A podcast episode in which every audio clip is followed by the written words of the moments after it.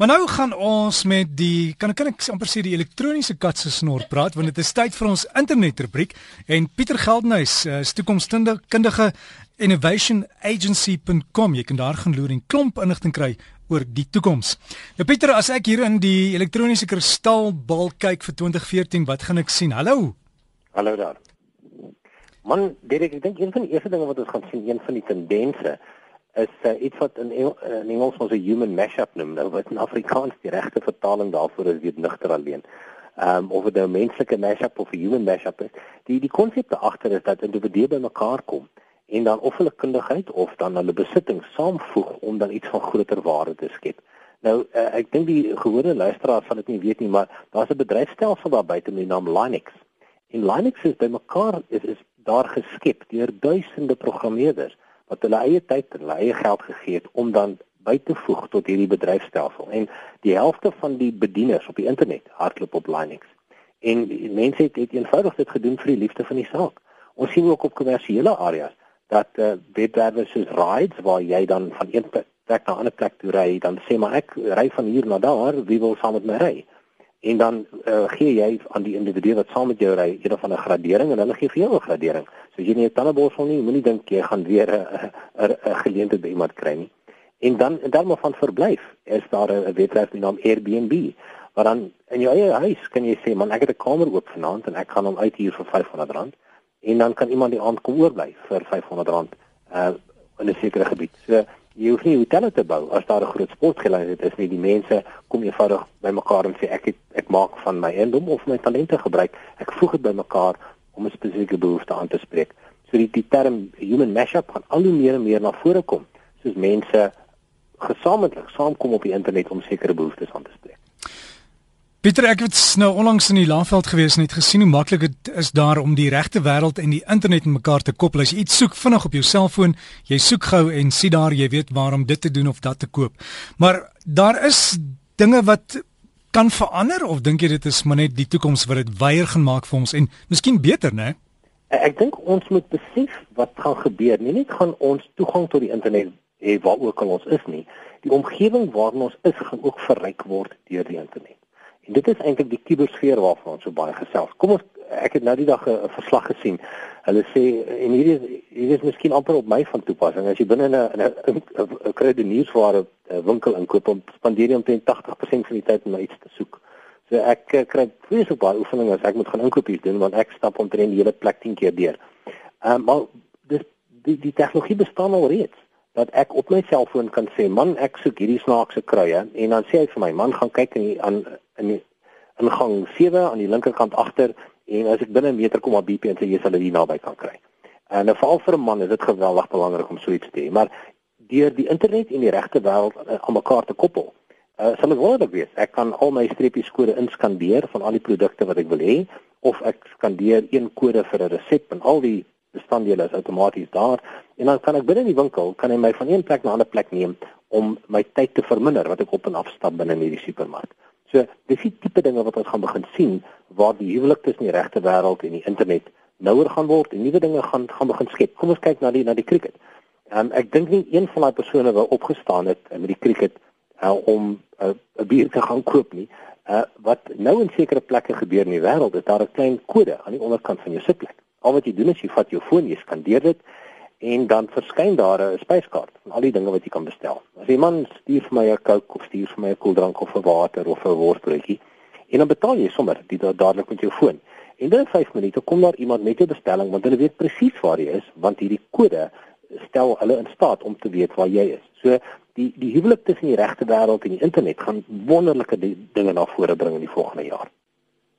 Dit maak mense amper bang, maar ek dink dit hoe gemaklike mense kan word. Jy praat nou val van die kruideniersware en goed, dis amper soos 'n GPS in 'n supermark, né? Nee. Dis heeltemal reg. Ingebou navigasie gaan 'n groot woord word in volgende jaar. En dan meme uh, en DNA, wat beteken hierdie groot woorde vir ons? Want ek het 'n ons ons het 'n stelling waar ons sê as jy 'n meme wil verander, kan jy dit nie doen deur tradisionele denkpatrone nie. Jy kan dit slegs doen deur sy DNA te verander. Nou, kom ek kom ek verduidelik net gou wat ek bedoel daarmee.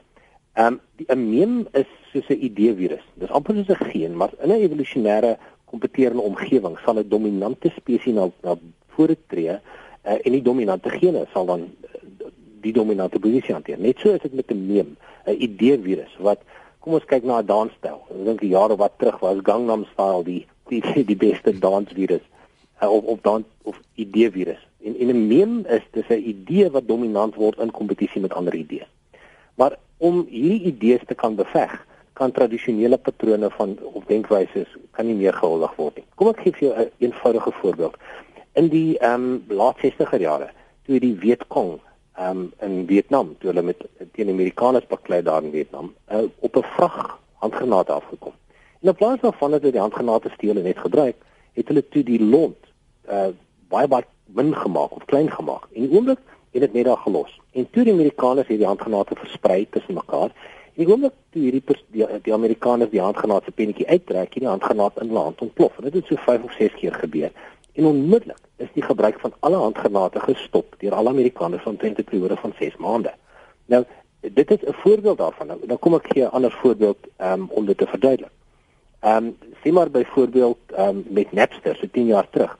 Ehm um, het almal na regsprosesse gekyk om te stop dat jy musiek sou aflaai op jou rekenaar. Maar wat het die musiekindustrie gedoen? Hulle het hierdie reg, hulle het presies dieselfde idee gebruik. Hulle het gesê om die neem aan te val, moet ons sy DNA verander. Wat hulle toe doen is, hulle sit geweldige kragtige bedienings op die internet met valse musiek. Die eerste 5 sekondes werk en die laaste 5 sekondes. En jy sê ja, kom ek laai 5000 liedjies af. En as jy nou die liedjie begin luister, dan werk die eerste 5 sekondes en die laaste 5 sekondes. En maar hierdie kragtige bediening het dan 'n klomp gemors op die rekenaar afgelaai.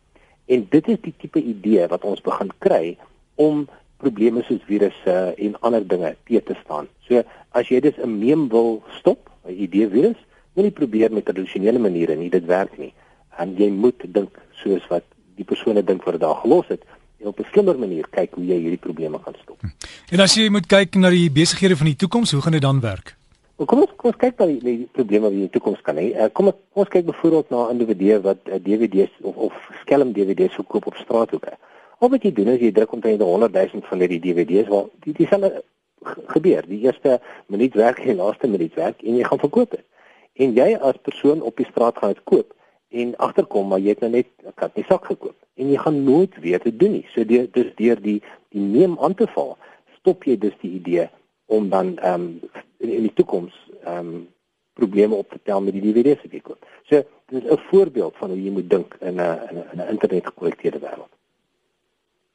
Dan ook die advertering en die koste daarvan as jy besigheid vervelig is. Wat bedoel jy met dit? Daar's 'n stelling wat ons maak ons sê man as jy adverteer, dan moet jou besigheid daarmee geweldig vervelig wees.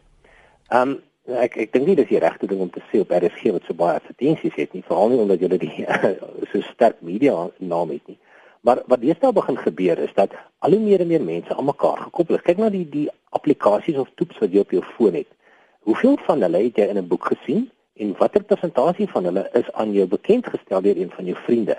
En dan sal jy sê dat omtrent 80 of 90% van hulle aan jou oorgedra is deur jou vriende. En net so in terme van die handelsmerk en omdat ons baie meer praat, ons chat, ons WhatsApp, ons doen Facebook, ons doen Twitter en wat ons dus begin sien is dat al hoe minder mense waarde daarin begin heg aan advertensies wat hulle op selfone sien.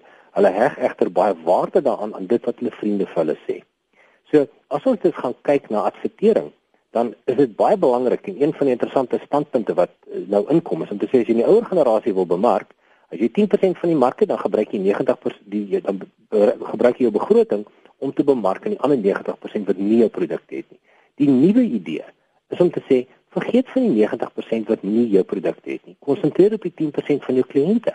Want as jy werklik 'n goeie diens doen, gaan hulle dit aan hulle vriende vertel en dan gaan hulle na jou toe kom vir besigheid. So, die tradisionele model om te adverteer op tradisionele media werk nie vir 'n nuwe generasie nie. Daar is dit wat jou vriende sê wat belangrik is. Dis hoekom dit so belangrik is om ook tussen jou bemarkingsfokus te skuif. Pieter, die omgekeerde bedryfsmodelle, daar's al hoe meer van hulle wat nou die lig begin sien. Daar's 'n hele paar interessante tendense wat na vore tree. Ons weet nie wat ge, of dit suksesvol gaan wees of nie. Maar ehm um, daar's byvoorbeeld 'n model wat sê, sien maar jy ry in 'n area rond en sê dit is 'n wel vreeslike oulike area.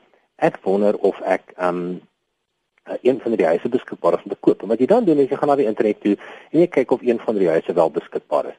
Nou is daar 'n ander model waarna mense begin kyk. Jy kan byvoorbeeld in 'n area rondry en dan kan jy onmiddellik op die internet sien wat is die eiendomswaardasies van hierdie van hierdie eiendomme rondom jou. Ehm jy kan dan ook sê en baie keer is die planne ook beskikbaar van hoe die huis lyk. En jy kan dan sê man ek stel werklik in die huis belang en dan kontak jy die eienaar van die huis en jy sê luister ek stel belang dan. Ek maak 'n offer van soveel miljoen vir jou huis. As jy belangstel laat weet my. Nou hierdie persoon het op hierdie stadium nie gedink hy wil verkoop nie maar as hy 'n goeie offer kry dan gaan hy dit definitief aan gaan dink. So ons begin in 'n omgewing kom waar mense nie die, die tradisionele modelle volg om besigheid te doen nie.